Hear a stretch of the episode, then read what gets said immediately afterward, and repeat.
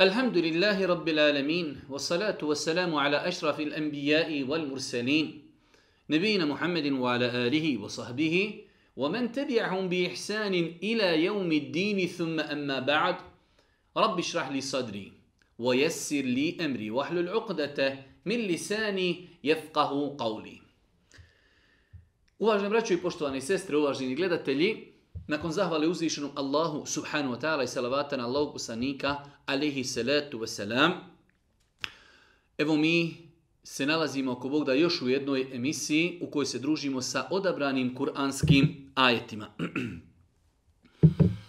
Večeras, ako Bog da se družimo sa odabranim ajetima sure en neđim. Mi smo, hvala uzvišom Allahu ve ta'ala, u mjesecu Ramazanu počeli ovaj projekat u kojem smo u prvih deset dana mjeseca Ramazana družili se sa prvih deset džuzeva Kur'ana, a nakon mjeseca Ramazana počeli smo da obrađujemo suru po suru. Svake večeri u jednom predavanju družimo se sa odabranim suo ajetima iz jedne kur'anske suri. Došli smo, hvala Allahu Đelešanu, prešli smo više od 500 stranica Kur'ana. Trenutno se nalazimo u 27. džuzu u trećoj suri jer smo prošle sedmice imali suru Ezerijat i suru Etur, a ove sedmice ako Bog da imamo evo suru en Imamo suru En-Neđm. Sura En-Neđm je 53. sura, onako kako su sure poredane danas u Mushafu, a ona je 23. sura objavljena Božijem poslaniku. Znači jedna od sura među prvim surama koji su objavljene Allahovom poslaniku, alihi salatu wasalam, i samim tim odmah znamo da je to sura koja je objavljena u Mekki, kao što kaže Ibnu Atije, po konsenzusu islamskih učenjaka fesira sura En-Neđm je objavljena u Mekki. Ona je objavljena nakon sure el ikhlas poznate sure Kul huvallahu ahad, nakon nje je objavljena sura en a nakon nje je objavljena sura Abese wa Sura ima 62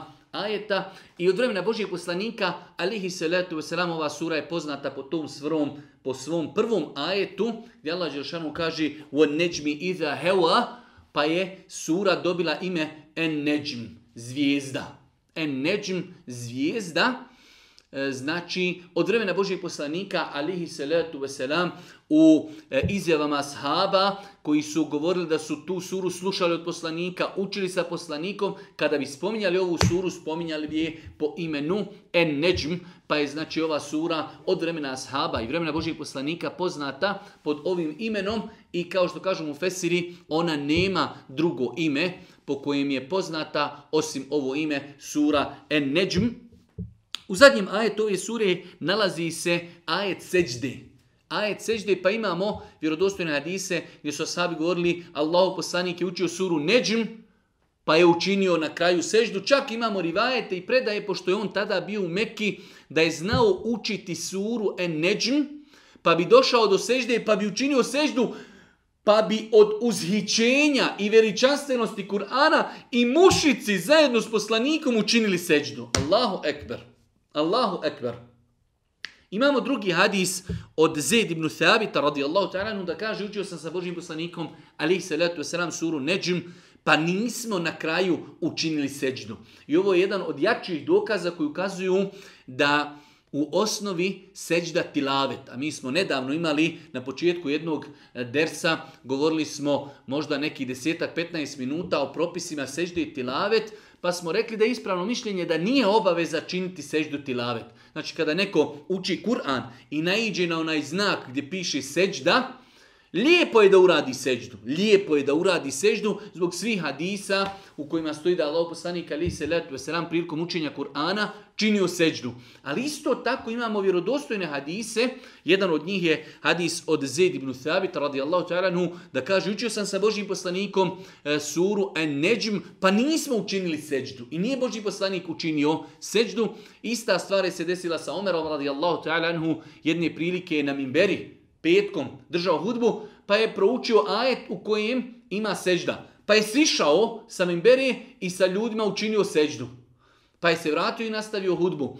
Sljedećeg petka isto je se ponovilo, pa je Omer radijallahu ta'ala proučio ajet u kojem ima sežda, pa su ljudi se uskomešali, želeći da urade seždu, pa je Omer ostao na mimberi, rekao je, ova sežda nam nije striktno naređena. Možemo ju uraditi, a i ne moramo ju uraditi, pa su to veoma jaki dokaz koji ukazuju da sežda lavet u osnovi nije vađib, nije naređena strogo, ali te kako je pohvalna i lijepa za urati. Oni koji žele da e, se dodatno edukuju u pogledu ovoga, mogu naći na internetu preko google mogu naći jednu studiju koju sam ja lično napisao o propisima sežde lavet. Dovoljno ukucati samo propisi sežde lavet. E, autor Pez Đelvedin i e, jedna interesantna, lijepa studija na našem jeziku, bosanskom jeziku, koja govori o propisima koji se vezuju za seždu tilavet, a u jednom od proteklih predavanja posvetili smo 15 minuta, rezimirano i sažito smo govorili o propisima seždi tilavet. Uzvišnji Allah s.w.t. ovu suru počinje opet e, zakljetvom, zaklinje se jednim od svojih stvorenja, a mi smo rekli više puta, dozviši Allah s.w.t. je gospodar zemlje i nebesa i ima pravo da se zakune od svojih stvorenja čime god želi, a mi, njegovi robovi, imamo pravo i dozvoljeno nam je samo da se zakunimo Allahom ili njegovim imenom i svojstvom. Ništa više, ni poslanikom, ni džamijom, ni kjabom i tako dalje, ničim se nije dozvoljeno zaklinjati osim Allahom subhanahu wa ta'ala. Nažalost imamo velik broj ljudi koji imaju uzrečicu pa se zaklinju majkom, otcom, e, poslanikom, kjabom, džamijom i tako dalje. Sve je to zabranjeno. Čak u nekim hadisima Allah poslanik alaihi se letu nečim mimo Allaha je nazvao širkom, malim širkom, odnosno velikim grijehom. Tako da vjernik treba da pazi na svoj jezik, da ga kontroliše i ako se već želi da se zakune nečim, onda treba da se zakune samo Allahom subhanahu wa ta'ala. Pa kaže uzvišeni Allah وَنَجْمِ إِذَا هَوَا مَا ضَلَّ صَحِبُكُمْ وَمَا غَوَا وَمَا يَنْطِقُ عَنِ الْهَوَا إِنْ هُوَ إِلَّا وَحْيٌ يُوحَا Prvi ajeti suri en nečim kaže uzvišeni Allah, tako mi zvijezdi kada zalazi. Zaklinje se uzvišeni Allah zvijezdom koja pred jutro zalazi jer rađa se novi dan i zvijezde zalazi. Pa se uzvišeni Allah zaklinje tim zvijezdama koje zalaze, a kažu islamski učenjaci, mudro svega toga jeste ljepota zvijezda na nebu Zvijezde su ukras nebu, pa se uzvišeni Allah zaklinje zvijezdama u periodu kada se one znači gube iz vida, želeći time napraviti poveznicu između objave i te, hajde da kažemo, metafori sa zvijezdama. Kao što zvijezde ukrašavaju nebo, tako isto i objava koja se objavljuje Božijem poslaniku ukrašava čovjekov život, ukrašava njegov, njegovu svrhu postojanja, pa se uzvišeni Allah subhanahu wa ta'ala na početku ove sure zaklinje e, zvijezdom pa kaže wa neđmi iza hewa tako mi zvijezde kada zalazi. Ma dalle sahibukum wa ma vaš drug nije s pravog puta skrenuo i nije zalutao. Vaš drug, Mohamed, nije skrenuo, niti je zalutao. To što vi ne možete shvatiti, to što vas on poziva, to je vaš problem. Ali to nije dalalet, to nije zabluda. Šta je to? وَنَا يَنْتِقُ عَنِ On ne govori po hiru svome. In huwa illa juha. To je objava koja mu se objavljuje. Allahu ekber. Ovi ajeti su jedna velika životna formula, jedna velika skupa informacija. Govor Allahu poslanika o vjeri je objava. Onog momenta kada riječi Allahu poslanika budu zabilježene e, vjerodostojnim lancem prenosilaca završeno. To je objava po kojoj mi trebamo raditi. Allahu poslanik ali se letu je o, do najmanje sitnice dostavio ono što mu je objavljeno od strani uzvišenog Allaha subhanahu wa ta'ala. Pa je ovo životna formula. Ona yantiqu anil hewa. On ne govori po hiru svome. On ne govori iz strasti. To je objava koja mu se objavljuje. Pa se nekada može desiti da čovjek pročita određeni hadis koji je vjerodostojan, pa ga ne razumije. Moramo paziti kako ćemo se odnositi, da vidimo šta je Ulema rekla, jer je to objava. Ne smijemo se igrati, ma taj hadis je u koliziji sa razumom. Ja to ne mogu razumjeti, nije to za ovog vremena. To su opasne riječi. Govor Allahu poslanika alihi salatu Veselam je objava koja mu se objavljuje od uzvišenog Allaha subhanahu wa ta'ala. Pa vjernik treba da nauči. Temelj ove naše vjere su Kur'an. Temelji naše vjere su, je sunnet. Govor Božih poslanika alihi salatu veselam. Temelji naše vjere su konsenzus islamskih učenjaka i ispravna analogija. To su četiri najbitnija temelja naše vjeri. I čovjek vjernik kada govori o vjeri, treba da se vraća na ove temelje. Kur'an, sunnet, hadis Božijeg poslanika, ali se letu selam, konsenzus učenjaka i ispravna analogija. Pa ovi prvi ajeti suri en neđm su ajeti koji nam daju jedno veliko životno pravilo. Wa neđmi iza hela. Allah se zaklinje zvijezdom kada zalazi. Ma sa, E, ma dolle sahibukum wama Vaš prijatelj, vaš sahibija, nije u dalaletu, nije u zavludi. To, on što vam govori, čemu vas poziva, to je objava od uzvišenog Allaha subhanahu wa ta'ala. Pa se čovjek vjernik treba preispitati, treba paziti kako se obhodi prema sunnetu Božijeg poslanika alihi salatu wasalam.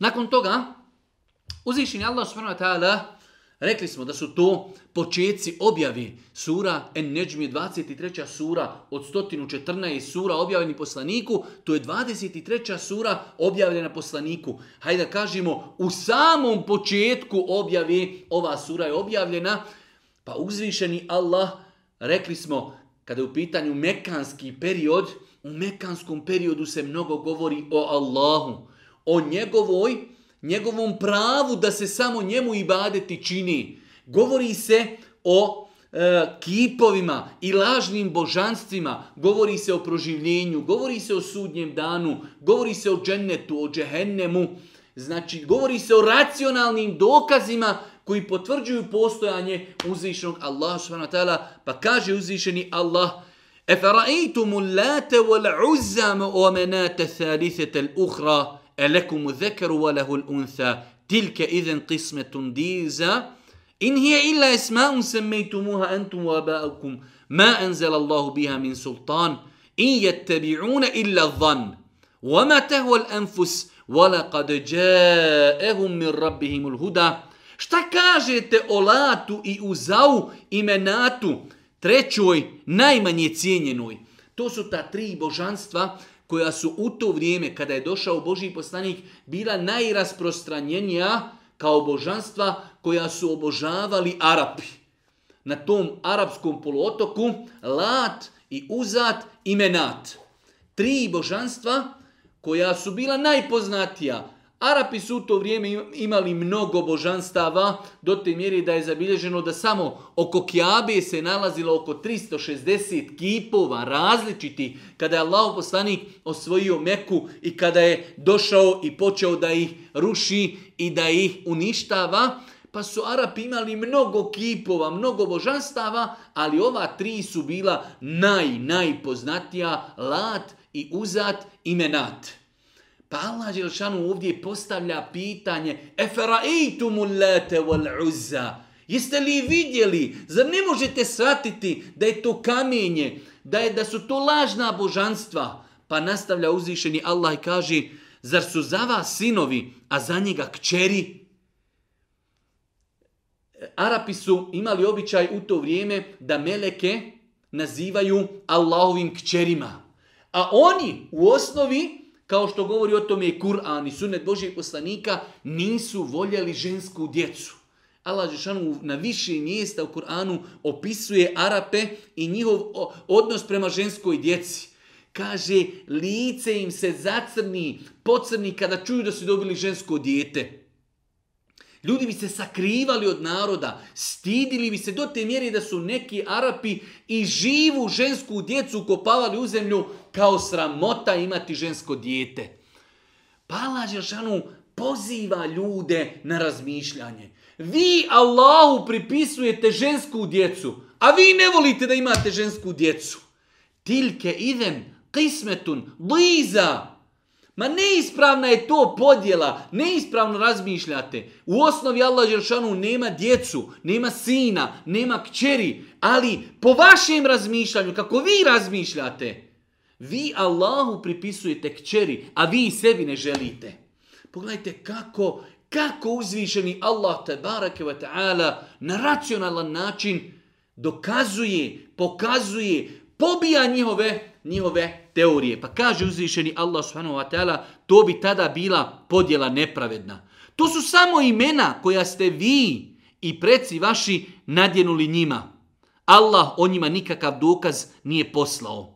Oni se povodi za pretpostavkama i oni im čim žude njihove duše za strastima, a već im dolazi, e, a već im dolazi od gospodara njihova prava uputa. Kaže uzvišeni Allah subhanahu ta imena vaših božanstava. To su imena koja su da, koja ste vi dali svojim bogovima ili vaši preci Allah o tome ništa nije objavio. Šta to znači? Ako Allah Đelšanu kaže Allah o tome ništa nije objavio, pa to je laž, to je neistina. Vi kažete sto božanstva, imate imena, čak Arapi su e, shvatili analizirajući imena Lat, Uzat, Menat, da su to imena koja su na kraju krajeva uzeta iz imena uzvišenog Allaha. Oni su pokušavali da oponašaju Allaha i Kvetala, pa čak i u imenima koja su davali svojim božanstvima. Pa im Allah on kaže, ama to što vi obožavate, kamenje obično, imena njihova, to ste vi davali im imena, ili preci vaši. Allah o tome ništa objavio nije. Ovo je jedan životni opet E, životno pravilo. Šta god u životu radiš, pričaš, govoriš, ponašaš se, moraš zato imati dokaz. Ma enzel Allahu biha min sultan. Allah o tome ništa objavio nije. To je neistina. To su lažna božanstva. Pa kaže uzvišeni Allah subhanahu wa ta'ala In je illa van. Oni u svemu tome samo slijede pretpostavke. وَمَا تَهْوَ الْأَنْفُسِ I ono što njihove duše žudi, strasti svoje. Govorili smo mnogo puta da Kur'an u mnogo negativnom kontekstu mnogo puta spominje strasti. Danas, kao nikada u historiji čovečanstva, ljudi su se odali strastima. je Allah kaže, a jesi li vidio onoga koji je za Boga svoga strasti uzeo. Pa ljudi se mogu toliko izopačiti, toliko odaljiti, da uzmu da robuju svojim strastima. Šta god duša kaže, može, nemoral, nepravda, može. Insan se spušta na nivo koji je niži od nivoa stoke i hajvana. Onog momenta kada počne slijediti svoje strasti. Pa Allah kaže in je illa van. Oni samo slijedi pretpostavke i slijede ono što njihova duša hoće, strasti. Pa kaže uzvišeni Allah, وَمَا تَهُوَ الْأَنْفُسُ وَلَقَدْ جَاءَهُمْ مِنْ A njima je došla uputa od njihovog gospodara. Došao je Muhammed alihi salatu wasalam, ali neće da se pokori. Došla im je uputa, došla im je istina, došao im je Kur'an, došao je Muhammed alihi salatu wasalam. Oni to ne želi. Oni žele strasti. Oni žele pretpostavke pa se insan treba čuvati, a poslije ćemo govoriti, ima jedan sličan ajet koji govori o jednom sličnom pitanju.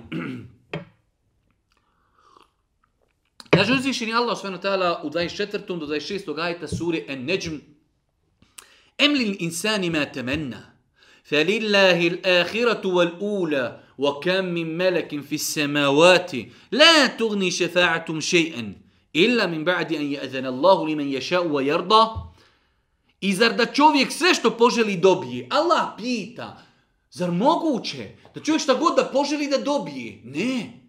Čovjek treba da zna da je Allah taj koji mu daje na faku, daje zdravlje. Mi treba da se trudimo, mi treba da idemo za nafakum, ali ne može čovjek dobiti sve što poželi. Danas imate ljude na planeti koji ne poznaju granice halal haram. Bitno mi je da ostvarim nešto što sam zacrtao. Ne, Allah poslanik kaže u hadisu, čovjek će na sudnjem danu biti pitan četiri pitanja prije nego se njegova stopala pomaknu ispred uzvišenog Allaha te barakve ta'ala polažući račune. Jedno od tih pitanja jeste kako je stekao imetak i gdje ga je trošio. Mi ćemo biti pitani, braćo moja draga, nećemo biti pitani koliko smo stikli novca i imetka, već ćemo biti pitani kako smo ga stekli i gdje smo ga trošili. Bez obzira što stekneš imetak na halal način, ne može ga potrošiti na alkohol, ne može ga trošiti u kladionice. Pa kaj moj imetak halal, neka je. Moraš paziti kako zarađuješ i moraš paziti kako, kako trošiš. Pa kaže uzvišeni Allah, i zar da čovjek sve što poželi dobije? Emlil insan ima temenna. Jer misli insan da će dobiti sve što poželi? Neće dobiti sve što poželi. Biće mu određene stvari uskraćene. Allah zna zašto je određene stvari kome uskratio. Pa kaže uzvišeni Allah, Allahu pripada i ovaj i onaj svijet.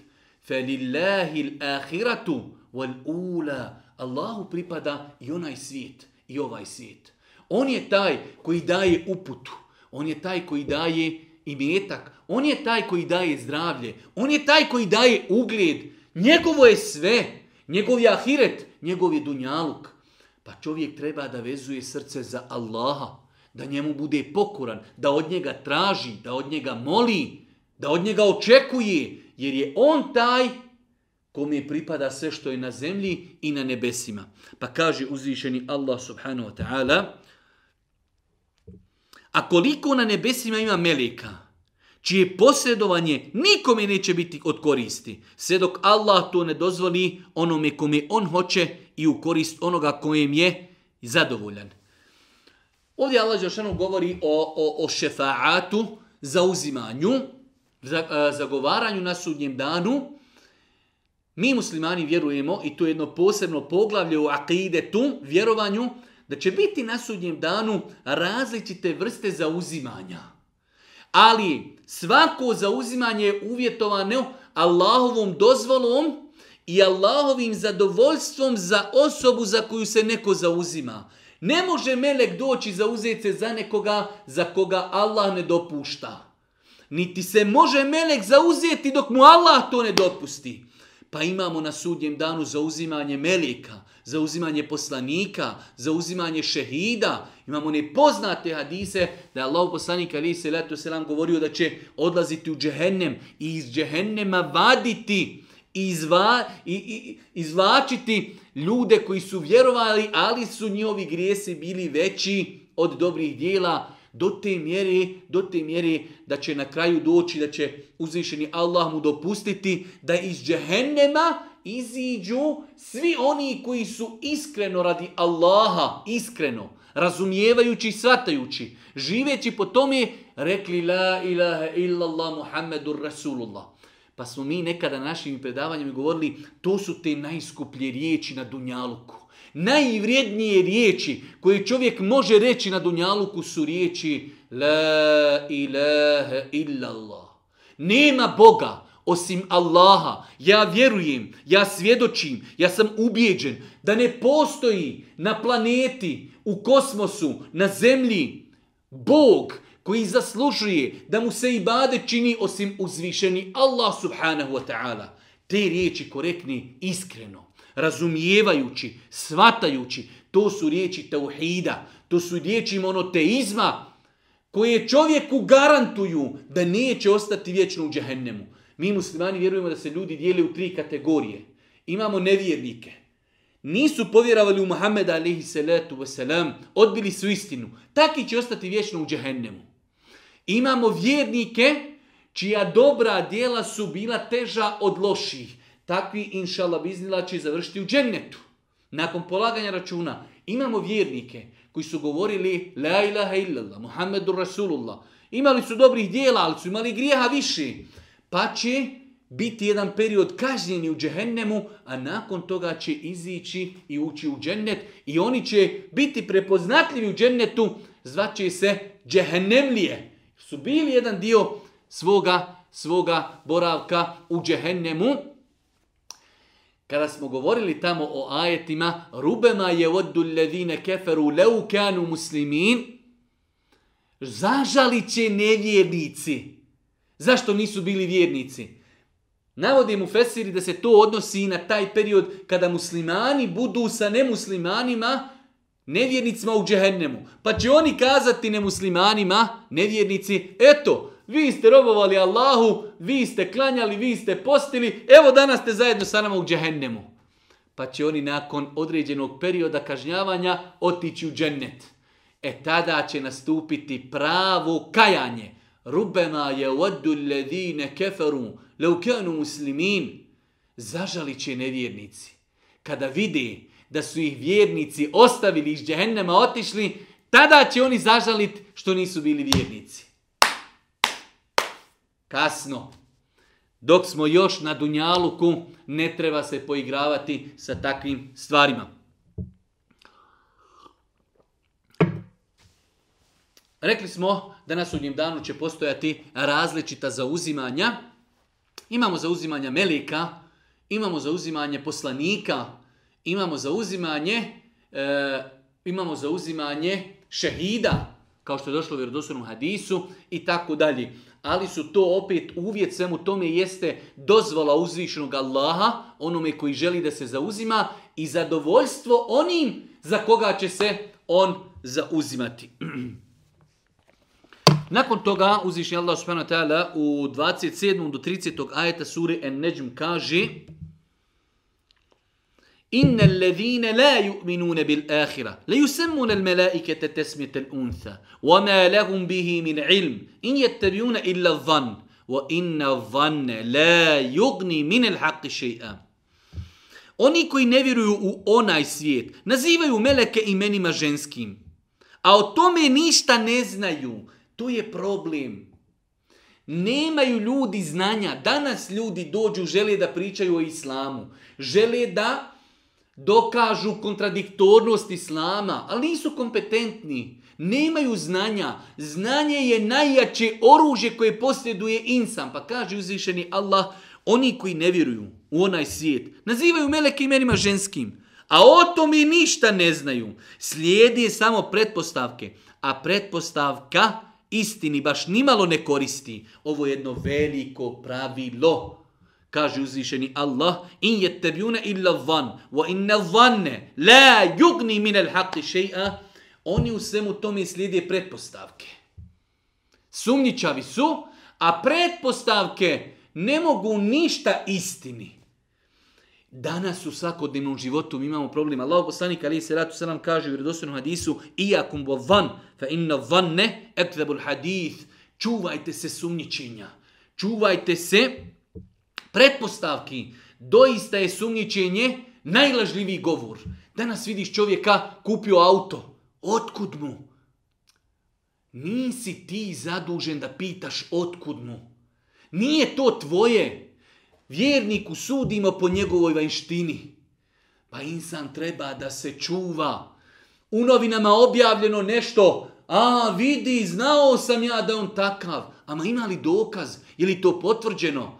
Pa insan treba da se pazi. I jakum van. Čuvajte se pretpostavki. Čuvajte se sumničenja. Doista je to najlažljiviji govor. Da čovjek govori o drugim ljudima bez dokaza na osnovu medija, na osnovu štampi, na osnovu televizije, na osnovu interneta, na osnovu društvenih mreža. Znate li koliko je ljudi čiji su životi i časti skrhane zbog medija? Po našim saznanjima. Ama ne interesuju nas vaša saznanja.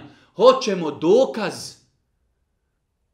Pa je mnogo bitno, Allah Žešan ovdje je postavio jedno veliko pravilo, I je tebi una van. Wa inna ne la yugni min al a sumnjičenje i pretpostavke istini baš nimalo ne koristi. Ne mogu istini što naš narod kaže pera odbit. Istina mora da se dokaži. Istina ima svoje dokaze. Pa se insan treba čuvati sumnjičenja. Treba se čuvati da vjeruje u sve što pročita, da vjeruje u sve što vidi, Pogotovo kada se radi o osobama koje čovjek zna. Mi imamo problem, znamo čovjeka 30 godina, i pošten, i čedan, i moralan, i vjernik. I neko o njemu nešto napiše, a vidi ja sam pretpostavljao. E uzu ne Čovjek treba da se čuva takvih stvari. Kaže uzvišeni Allah, fa anhum فأعرض عمن تولى عن ذكرنا ولم إلا الحياة الدنيا ذلك مبلغهم من العلم Zato se ti okani onoga koji Kur'an izbjegava i koji samo život na ovom svijetu želi. To je vrhunac njihova znanja. Okreni se Allahu poslanići od onoga ko Kur'an neće i okreni se od onoga ko želi samo život na ovom svijetu. Nažalost, danas velik broj ljudi muslimana nisu spoznali činjenicu zašto živi.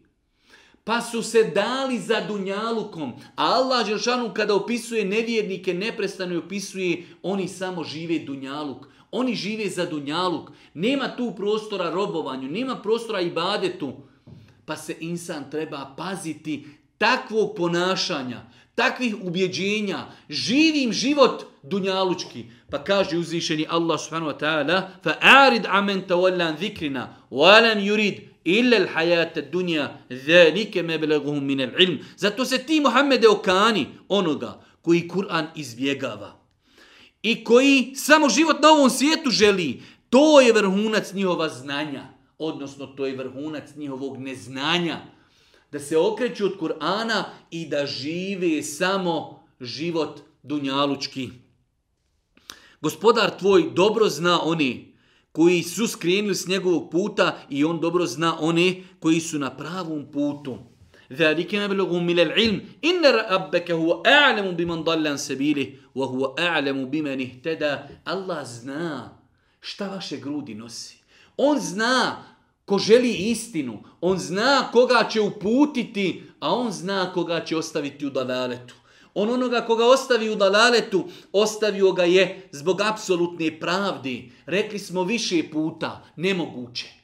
Nemoguće da čovjek istinski očisti srce i kaže, ja rab, ja želim istinu, pokaži mi istinu, želim da je slijedim i da mu dođe istine da on ne prihvati, nemoguće. Allah će mu podariti istinu. Allah će ga uputiti zbog iskrenosti njegovog srca. Ali koliko je ljudi koji kažu hoću istinu, hoću istinu, ja sam objektivan. Pa kada dođu ajeti, hadisi, nepobitni, nema kolizije, kontradiktornost Biblije, kontradiktornost, pa nije to to. Ne, nije iskren, laži. Onda želi istinu, on bi je prihvatio. Pa je uzvišeni Allah apsolutno pravedan. Onaj ko bude istinski, iskreno želi uputu. Allah Želšanu će mu je i podariti.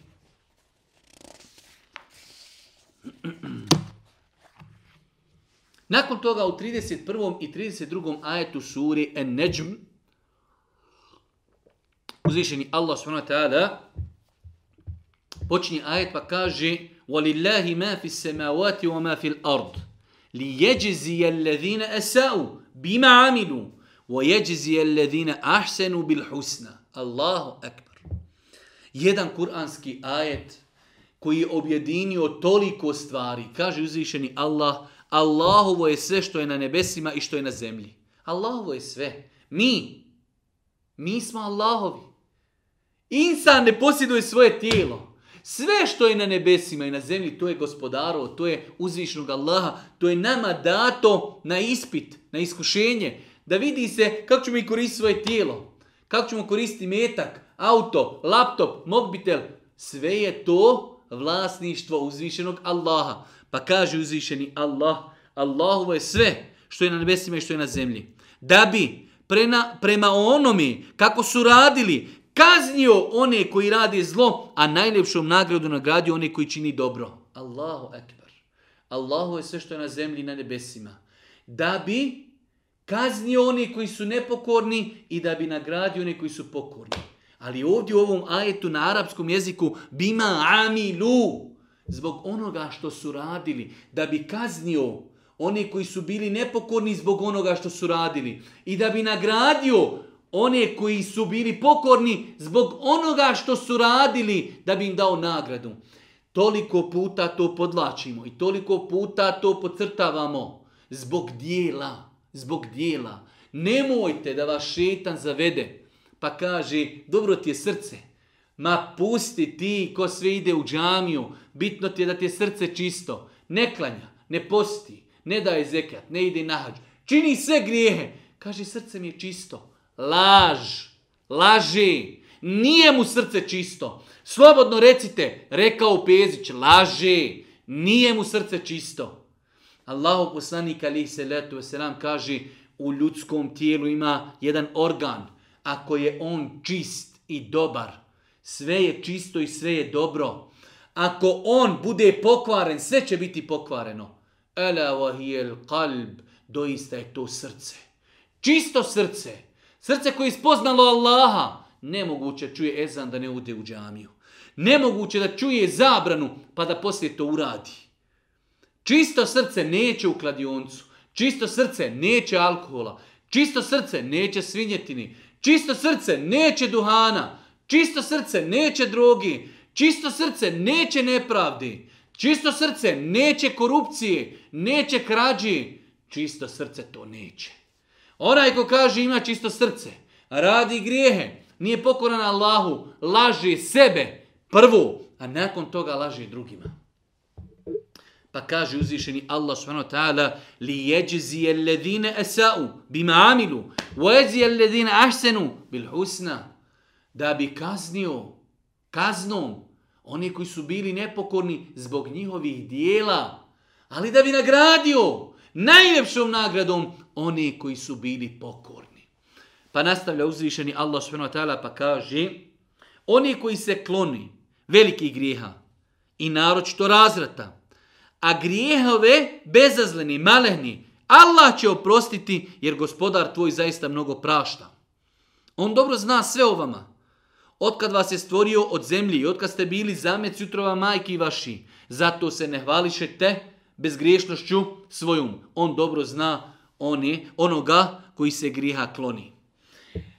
Kaže Allah Žešanu, Ellezine bune kebair al ismi wal fevahiše illa lemem. Inne rabbeke ul magfira. Allah će oprostiti vama oni sitnije grijehe komi, onima koji ostavi veliki grijehe i ostavi nemoral. Analizirajući Kur'an i sunnet islamski učenjaci su došli do zaključka da se grijesi mogu podijeliti u dvije kategorije. Imamo velike grijehe, imamo mali grijehe. Veliki grije su si oni grijesi za koje u Kur'anu i sunnetu Božih poslanika ima kazna, ima prijetnja, ima prokletstvo. To su veliki grijesi.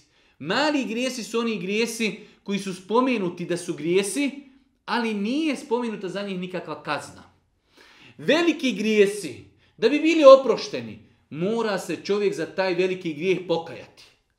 Mali grijesi mogu biti oprošteni od strane uzvišnog Allaha subhanahu wa ta'ala, a mogu biti i pobrisani činjenjem dobrih dijela. Allah je kaže u Kur'anu Innel hasenat yudhibine seji'at. Doista dobra dijela brišu loša dijela.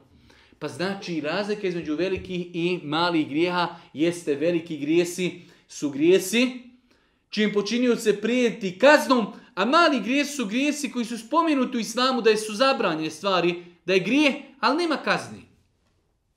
Veliki grijesi za njih se moramo pokajati, a za male grijehe, ako se i ne pokajemo, njih možemo pobrisati, eliminisati činjenjem dobrih dijela, kao što je došlo u vjerodostojnom hadisu Allah poslanik rekao, kada uradiš loše djelo, nakon njega uradi dobro djelo koje će ga tenhuha, koje će ga pobrisati. Pa Allah ovdje kaže oni koji budu ostavljali velike grijehe, budu ostavljali nemoral, a sitnije grijehe će uzvišeni Allah te bareke ta'ala oprostiti svojim robovima.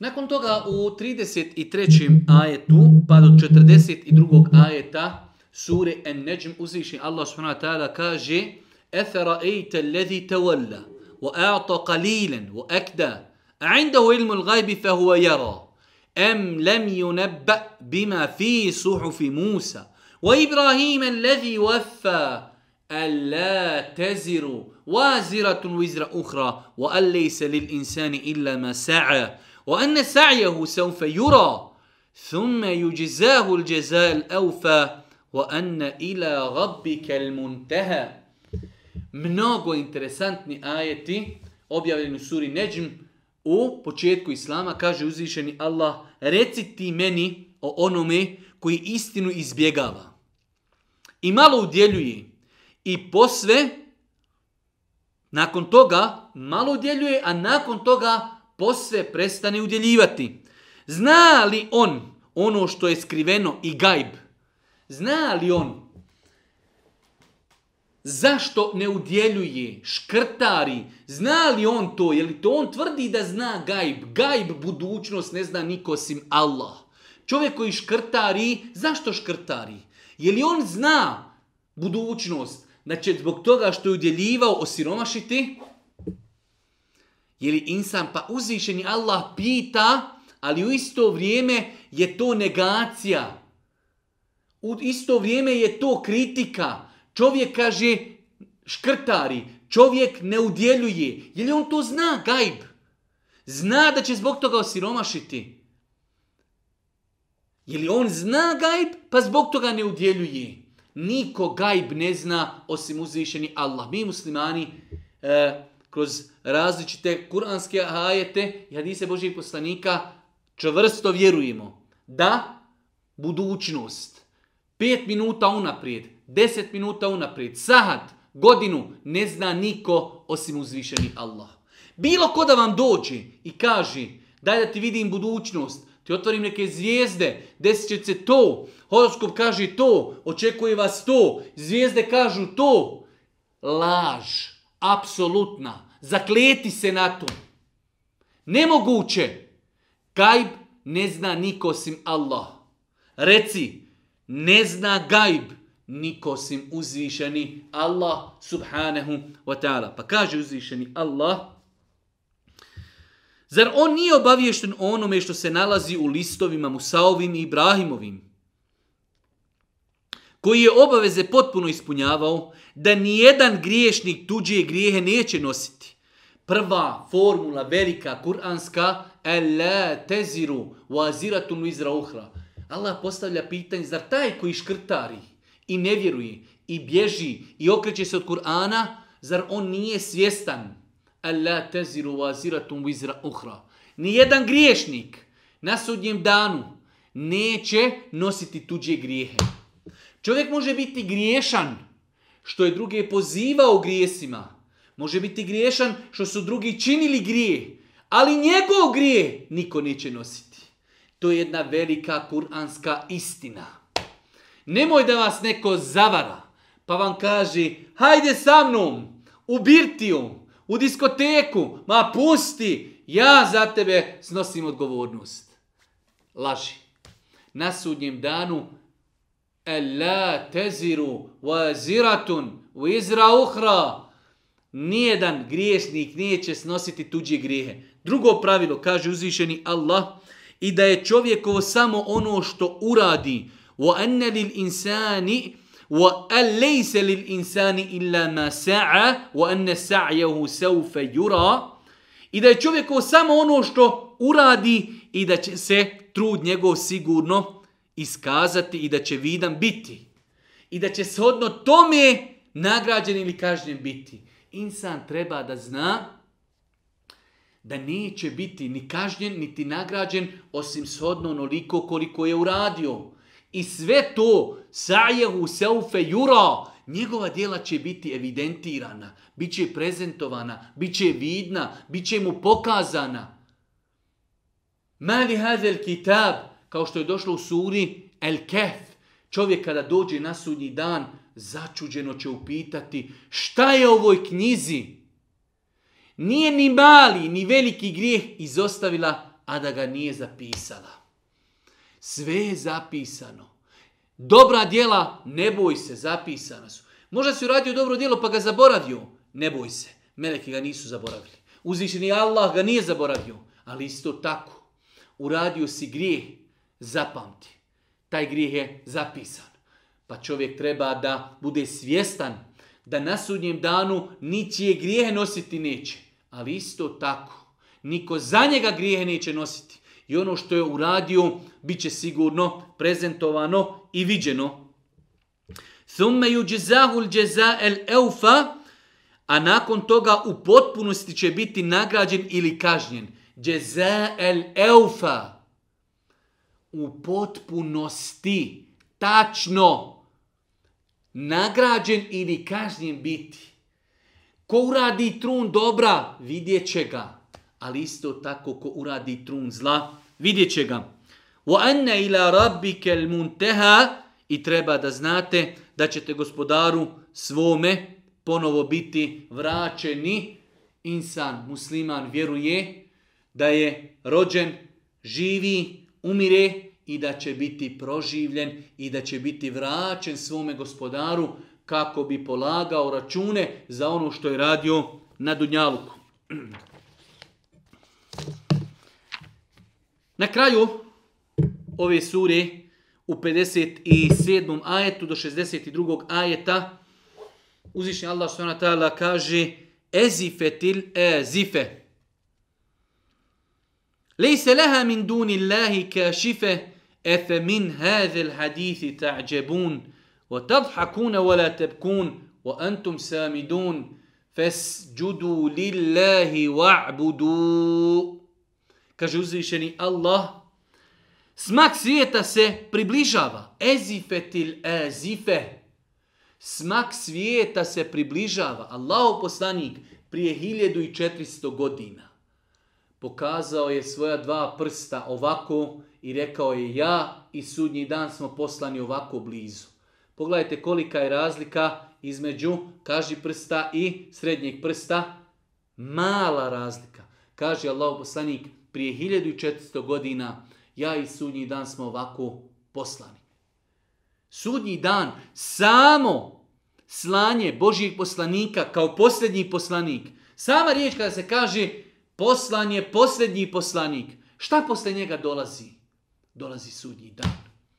Toliko je hadisa koji govori o budućnosti, koji govori o predznacima sudnjeg dana, većina tih preznaka se obistinila.